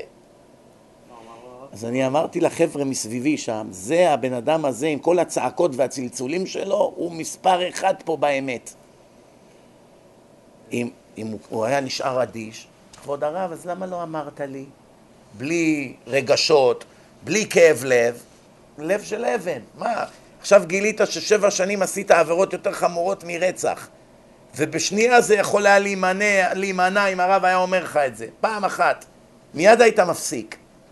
ועכשיו יתברר לך שאתה שבע שנים טוחן מים והולך ברוורס. איך לא תתעצבן? אם שבע שנים עבדת בשביל מישהו והוא אומר לך, תדאג, אני מעביר לך את המשכורת לחשבון. קח 100-200 שקלים, אני מעביר לך עוד 2,000 שקל לחשבון כל שבוע. אחרי חצי שנה התברר, לא העביר לך כלום, קינים העביר לך לחשבון. לא רק זה, גם גנב. פתאום התברר לך שהחשבון שלך במינוס. מה? אתה תהיה אדיש? כבוד הרב, ישר, תגיד לי איך... בא לבוס, בואי נא, מה אתה משוגע? מה עשית? מה עשיתי? לא העברת לי פרוטה לחשבון. ישר דופק צועק, אני משטרה, זה... אם הוא בא אליו, אדוני הבוס, במיטותא ממך, אנא הסבר לי בבקשה, מדוע שישה חודשים כיזבת בי ולא העברת לי את ממוני? אומרים את זה בווידוי, כיזבנו. כן, כן, כן. שומעים? אז מה תגיד עליו? יש לו זמן עכשיו לנימוסים? בן אדם עולה באש, יש זמן עכשיו להיות מנומסים? אם אדם הבית שלו נשרף עכשיו, והוא לא לבוש צנוע, ברחוב הוא מתלבש צנוע, עכשיו לבוש עם מכנס קצר או עם תחתונים, והוא צריך לקפוץ מהחלון על העצים, אם לא הוא נשרף. אז עכשיו הוא אומר, שמע ישראל, אשתו צועקת, משה תקפוץ. לא קופץ, אני לא צנוע. משה, עזוב עכשיו, אין זמן לזה. פיקוח נפש. שמע ישראל, אני מוסר את נשמתי, אני לא אסתובב עם תחתונים בשכונה. חביבי, עת לעשות להשם הפרו תורתך. מה, אתה רוצה להישרף עכשיו חי? אבל אתם רואים מה אני מסביר לכם. בזמן של פניקה וכעס וצער ומקרה חירום, יש לך עכשיו זמן להיות מנומס? תאר לך עכשיו העולם עולה באש. אדוני החייל, אתה מרשה לי לעלות לסירת חילוץ? ישר כמו אריה קופץ עם הראש של החייל ו... מה אתה קופץ? תעמוד בתור, איזה תור? אני רוצה לחיות. יש לו סבלנות. קח כרטיס ותמתין. הטיטניק טובעת, הוא עומד בתור עכשיו. אתם הבנתם רבותיי? בן אדם טובע, אתה הולך, מה שלומכם? תבואו לבקר. הוא נוסע בשבת, החבר שלו, פוגש אותו ברחוב, הוא חוזר מהבית כנסת, החבר שלו נוסע בשבת, עומד, מדבר איתו, מעניינים וזה, הוא שם מוזיקה וזה, לא אומר לו מילה, איך אתה נוסע בשבת, איזה עוון. להפך, עוד אנשים שואלים אותו, תגיד לי, איך מגיעים מכאן לשם? סע ישר, פנה ימינה, עוד מעט גם ינשק אותו. תן לי ברכה, איציק, תן לי ברכה. הוא, בדרך, איציק בדרך לבית הכנסת.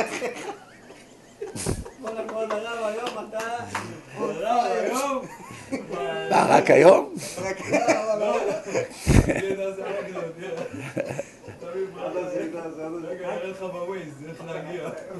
רבותיי, לא, לא לשכוח, העיקר הוא פה, מי שהוכחת אותו והוא כועס עליך, אין מה להתחרט.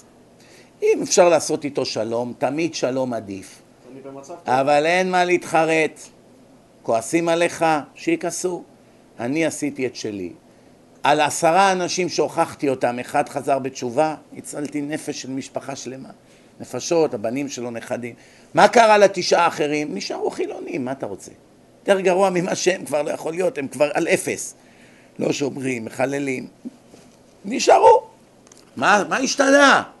אחד אמר לי פעם, אנחנו פוחדים לכבות אותם, באנגלית זה I'm afraid to turn them off. ואני אמרתי לו, אתה רק יכול לכבות את מי שדלוק. הם כבר עוף מהיום שנולדו אלה. מה אתה דואג? דואג. זה כמו אחד שיש לו בחשבון אפס דולרים ואי אפשר חריגה. אין, הבנק לא מאשר אפילו אגורה חריגה. אז אומר, אומר לאשתו, אני פוחד עכשיו להשתמש בכרטיס אשראי. אומרת לו, למה? אני לא רוצה... אומרת לו, מה, מה, מי ייתן? אין לך גם ככה, מה אתה? מה אתה... זה... אני פוחד, אני פוחד להחמיר את מצבי. אין יותר גרוע מצבך, אתה כבר באפס. יותר גרוע מה שאתה לא יכול להיות. רבותיי, סיימנו להיום, רק שתדעו דבר אחד, עוד פעם. חרטה, בלי חרטה אין תשובה. התשובה היא לא מושלמת. כמובן שאם אתה מתבייש תקבל שכר, אתה עושה וידוי תקבל שכר, יום כיפור, הכל יעזור לך, אבל זה לא מושלם. אי אפשר לעקור את העוונות מהתיק שלך בשמיים עד שהשם לא רואה במאה אחוז. כתוב ברמב"ם שיעיד עליו יודע תעלומות. הכוונה הקדוש ברוך הוא שיודע את כל הסודות והנסתר, כן? שיעיד עליו שהשם יודע שאתה באמת מתבייש ומתחרט. של... אתם יודעים איך אפשר לדעת? בא אחד אומר לך, תגיד, יש לי שאלה אליך. אם עכשיו היית יכול לשלם, לא יודע מה, 20 אלף דולר, כדי שנחזיר אותך עכשיו שנה אחורה, ולא תעשה את העוון שעשית. על המקום, קח מהר, קח שלושים, תחזיר אותי מהר. סימן שהוא מתחרט. אבל אם הוא מתגעגע לימים האלה, מה עכשיו? עד שנהניתי אתה גם את זה רוצה לקחת לי? מילא אכלתי אותה, איך אמר הרב לסרי? שיחיה. או איך הוא אמר לו? השתבח שמו לעד, שהסתבכתי איתו לעד. יש הרבה חילונים אומרים, השתבח שמו לעד, שעכשיו אני מסובך איתו, גיליתי את האמת, איך אומרים? אכלתי אותה. יש הרבה אומרים, אני לא רוצה להקשיב. למה? שלחתי לך קישור. לא, לא, אני פוחד לראות. מה הטיפשות הזאת, פוחד לראות? האמת היא אותה אמת, אם תראה או לא תראה זה ישפיע עליך באותה מידה. לפחות פה אתה יכול להתמודד עם זה. אלא למה הוא לא רוצה לראות? הוא לא רוצה לסבול. מה אם אתה מתחרט ועדיין זוכר את זה, אתה נזכר בזה, אתה מתחרט? השאלה איך אתה מגיב כשאתה נזכר. הלכת במקום שעשית עבירה. אוקיי. אוי, איזה בושות, איך הייתי עושה כאלה דברים. ממש לא נעים. זה נקרא מתחרט. אבל אם אתה עובר, אתה זוכר שהיינו פה, וואו, the good old days. יושב ככה, עוצם את העיניים. מה קרה? איציק מנחה. נזכר בכל הדברים האלה. מה אתה, זה חרטה זה? זה בושה זה. אמרתי לכם, אחד הדברים זה התמונות של החתונה, זה ראייה. אתה, מתח... אתה מתחרט שהתחתנת מעורב או לא. אם כן, אתה לא יכול רגע אחד להחזיק את האלבום. כל התמונות, גברים, בחורות, הווידאו. איך אתה שם כזה דבר בבית בכלל? אז אם אפשר לתקן, תתקן. ואם אי אפשר, תשמיד מיד. תשמיד מיד. אני מכיר איזה זוג, איך שחזרו בתשובה, השמידו את כל התמונות של החילוניות. הכל. היה לובש חלופות ורודות, הגיל, זה, הכל השמידו. אבל היה להם תמונה אחת מהיום של החתונה. והיא הייתה על איזה שני חתיכות שיש כאלה, עם שני זכוכיות, כמו סנדוויץ'. וביניהם הייתה תמונה מוגדלת מהחתונה, וזה היה עומד על הרמקול של המערכת. היו רמקולים כאלה, עומדים על עמודים, זה היו שני ריבועים כאלה עם חריצים, ועל זה בפנום היה שני זכוכיות, ובין הזכוכיות הייתה התמונה של החתונה. אז האישה ניסתה להוציא את התמונה ולזרוק אותה גם כן. חבל היה לזרוק את הזכוכית הזאת עם המחזיק. רצתה להכניס בפנים תמונה של ברכות נרות שבת, משהו, אבל זה לא היה יוצא. זה נדבק מעל החוט. אז היא אמרה, מה, אני אזרוק עכשיו את הזה בגלל שהתמונה לא יוצאת? אז בעלה אמר לה, לא, תכניסי תמונה עם הנרות, עם הפנים לצד ההפוך, ותסובבי את זה. והתמונה של החתונה יהיה דבוק לקיר, אף אחד לא יראה. יראו רק את הברכה של הנרות. וואו, רעיון טוב. ככה לא נצטרך לזרוק את זה לפח, את כל המחזיק הזה, כן? משיש. מה נעשה? עברו חודשים, הילדים שיחקו, אחד פגע ברמקול, זה נפל והתהפך. אז הילד ראה, הוא צועק, אמא, מי זה הגויים האלה? הוא לא זיהה את ההורים שלו. איך שהם היום, אחרי כמה שנים, ואיך שהם היו ביום החתונה. מי זה הגויים האלה? הוא לא זיהה. פנים של בן אדם משתנות שהוא נהיה צדיק. הוא לא הבין שזה אבא שלו וזאת אימא שלו. והיא גם לבוש לא צנוע, שמלת כלה. אחר כך, אז אחר כך, מהר היא זרקה את זה עם השיש לאלף עזאזל, כן? אבל לפחות היא יצאה מזה, מהבושה. אני תמיד, אחת התעלומות הכי גדולות בעיניי הם כל השחקניות האלה שמשחקות בסרטים. יש שם סצנות של שיא הטומאה ושיא החוסר צניעות. ממש ניאוף מתועב. אישה נשואה, אימא לילדים, חילונית, רוצה להיות שחקנית. היא מצטלמת בסרטי תועבה של כמה פרוטות. בדרך כלל גם לא משלמים להם הרבה. זה גם לא בשביל הרבה כסף היום. איך היא לא חושבת על היום, עזוב עכשיו להיות דתייה. זה לא בראש שלה בכלל השם ותשובה וצניעות. איך היא לא חושבת על היום שהילדים שלה יראו את הסרטים האלה? זה אני לא מבין. תסביר להם שזה הכל acting, למה שזה מה שהולך פה. אבל זה נורא ואיום. איך היא, לא, איך היא יכולה עכשיו לשבת, לדעת שהבן שלה בחדר עם החברים שלו, רואים אותה בבגד, בחוסר בגדים או משהו בסרט, היא אישה נשואה, מנשקת גבר אחר, איזה... הרי זה בושה נוראית. אז בשביל כל הון שבעולם, בחורה נורמלית בחיים לא הייתה מסכימה כזה דבר. ואם היא תחזור בתשובה, בכלל, אוי לבושה, היא תתעלף מרוב בושה, כל דקה ודקה. זה. אי אפשר, איך אומרים, גדול עווני מנשוא. קין אמר, מרוב שהעוון שלי גדול, אי אפשר אפילו להחזיק אותו. שומעים? תאר לך אחת כזאת, עכשיו פתאום כל העולם רואה, היא יודעת, היא עכשיו נהייתה חרדית, היא קוראת תהילים, היא בוכה בתפילות, ובזמן שהיא עושה את זה מיליונים רואים את הסרטי תועבה שלה. איזה הרגשה זאת, תגיד. אתם הייתם יכולים להמשיך לחיות במצב הזה? תגידו לי את האמת. אם היית שחקנית. גם שחקן, גם בושה גדולה מאוד. אבל כולם מבינים שאצל האישה זה עוד יותר חמור, כן. איך היית יכול לתפקד? איך? יש בדור שלנו כמה שחקני קולנוע שנהיו חרדים, צדיקים, מראים אותם ככה בלי חולצה, כל הזמן בכל העם, מהימים שהם היו ליצנים. איך אתה חושב הם מרגישים? אחד מהם הלך לרב גדול, אומר לי, טוב, אמר לו, טוב לי מותי מחיי. הלוואי שהשם ייקח אותי רק למנוע ממני את הבושות האלה. הוא ניסה לקנות את כל הזכויות של כל הסרטים שלו מכל החברות, במיליון, מכר טבע, הכל. הוא לא הספיק, לא הספיק לו הכסף בשביל הכל. יש להם זכויות יוצרים, זה לא ביד, זה לא ביד השחקן. אמר לו הרב, אדרבה, שעכשיו אתה רואים מה היית ומה נהיית, זה קידוש השם גדול. איך היית לפני שהיה לך תורה, תסתכל ותראה איך נהיית היום. מי שיש לו שכל בעם, הוא יבין את ההבדל, מה התורה עושה לבן אדם. איך היית ליצן ככה, חוסר צניעות, כמו בהמה, ומה נהיית, ואיך. אתה היום. זה טוב טוב, אבל הבושה היא נוראית. שמבזים אותך זה גם טוב.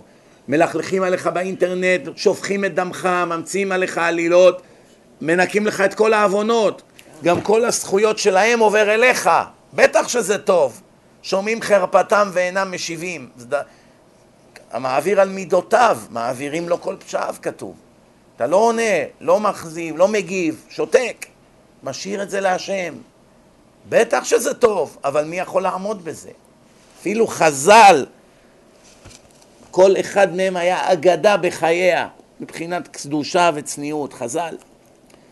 אפילו חז"ל אמרו לא רוצים את האיסורים ולא רוצים את שכרם. אף על פי שהאיסורים והבושות וכל הדברים האלה והחולאים והכאבים זה שכר ענק בעולם הבא, זה מנקה ממך את כל הרע, זה ישתלם מאוד. אפילו חז"ל אמרו שלא נקבל אותם. למה? שאנחנו עלולים לא לעמוד בניסיון. לפעמים אנשים נשברים הם משבר, ממשבר, נשברים. יהי רצון בעזרת השם, אנחנו נכנסנו עכשיו לתשעה ימים, לא אוכלים בשר, לא שותים יין, לא מוסיקה. אשכנזים כבר הרבה מהם לא מתרחצים עכשיו במים חמים, כביסה, כל מיני בעיות. הספרדים קצת יותר מקלים, ממוצאי שבת הבא, לא כביסה. כל התשעה ימים, העשרה ימים האלה לא אוכלים בשר ויין, לא מוזיקה. משתדלים למעט במסחר, רק דברים של פרנסה או דבר האבד. צריכים לדאוג, רבותיי. שמונה אנשים טבעו בחוף הים בשבוע.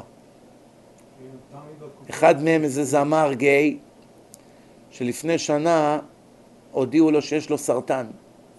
עבר שבעה מדורי גיהנום, בסוף התברר שזו בכלל הייתה מחלה אחרת, נתנו לו תרופות, הקרנות, קימו, לא יודע מה. העבירו אותו בעולם הזה שנה של ייסורי גיהנום. בסוף התברר שזה בכלל לא סרטן, זה משהו אחר שהרופאים יכלו לעלות על זה. טבע אותם, ועכשיו טבע בים. אז רוב האנשים בעולם לא שמים לב מה קורה פה, כי הם בחיים לא למדו תורה. איך ששמעתי את זה, אלף דגלים קפצו לי מול העיניים, דגלים אדומים. אחד הדרכים של הקדוש ברוך הוא היא ככה, הוא נותן לאדם שחייב מוות אזהרה גדולה מאוד לפני המוות האמיתי. או שעכשיו הוא חולה במחלה נוראית והוא צריך לעבור איזה ניתוח של חיים ומוות כי הוא רוצה שהוא יחזור בתשובה. אם הבן אדם מבין ומפסיק עם העבירות שלו ומפסיק להתעולל ולעשות איסורי כרת וכל הדברים שאותו זמר עשה, היה מבין את זה שנותנים לי משמיים כזה דבר, אני צריך לחזור בתשובה ולצאת מעולם הליצנות וכל השקרים והחילולי שבת וכל הבוהמה הזאת. אם היה עושה תשובה, הסבל שעבר היה מועיל לו למחול לו את כל העבירות שלו. מסכן לא עשה תשובה, חזר ישר בשצף קצף לחיי ההוללות, טבע. עכשיו מה אתם חושבים אומרים לו בשמיים? זמר יקר, מה עוד רצית שניתן לך כדי שתתעורר? כבר הביאו אותך על סף מוות, נשאר לך כמה שבועות לחיות. כל העם כבר הבין שאתה עומד לגמור, יש לך סרטן. לא עשית תשובה רגע לפני המוות? כבר עשינו לך מוות מדומה. לא לכל אחד יש את הזכות הזאת ששמים לו אקדח, אתה עוד רגע מת, ונותנים לו זמן לעשות תשובה. איך שהתברר שזה לא סרטן, ישר חזר לסורו. חז"ל קוראים לזה ככלב השב על קיאו. כלב שמקיא, בורח מזה, אחרי רבע שעה חוזר אוכל את זה. זה דוגמה לאדם שעכשיו חזר כביכול בתשובה כי יש לו סכין על הצוואר, ואיך שהוא השתחרר מהמחלה, ישר חוזר להיות חילוני. מה קרה? נדרים, צדקות, שמרת שבת, רק עברה הסכנה, חזרת להיות גוי? יש דבר יותר בזוי מזה? כפוי טובה כזה, מתחמן את השם? מישהו יכול לתחמן את הקדוש ברוך הוא? יהיה רצון שנזכה לעשות תשובה. כל התעניות האלה זה רק בשביל לעשות תשובה, זה לא בשביל להתענות באמת. הרמב"ם אומר, אם בן אדם מתענה צם ולא עושה תשובה, מה שווה כל התענית? כל הימי אבל האלה, כל דור שלא נבנה בו בית המקדש, כאילו נחרב בו. דנים אותנו שבגללנו בית המקדש נחרב. מה, זה עברו אלפיים שנה, זה לא אני, זה סבא של סבא של סבא של סבא של סבא שלי. מה זה שייך אליי? אליך, אתה השם. אם כולכם הייתם צדיקים, היה מיד נבנה. עצם שהוא לא נבנה, זה סימן שאתם החרפתם אותו. כי אין דבר שהשם רוצה, זה יותר מלחדש של בית המקדש. להביא את משיח ולחדש את הגאולה. יהי רצון שנזכה לעשות תשובה אמיתית, אלול, אלול בפתח רבותיי. גם לא נשאר לנו כאן עוד הרבה שיעורים עד אלול. שבוע הבא ועוד שבוע וזהו, ואני נוסע לארץ. שלושה שבועות נכנסים כבר לאלול בארץ, עד שאני אחזור אני נוסע לפלורידה, וזהו, ראש השנה כבר. כל אלול אתה טס לארץ כבודו? לא כל אלול, אבל מעל חצי אלול אני אהיה בארץ. ברוך אדוני לעולם, אמן ואמן.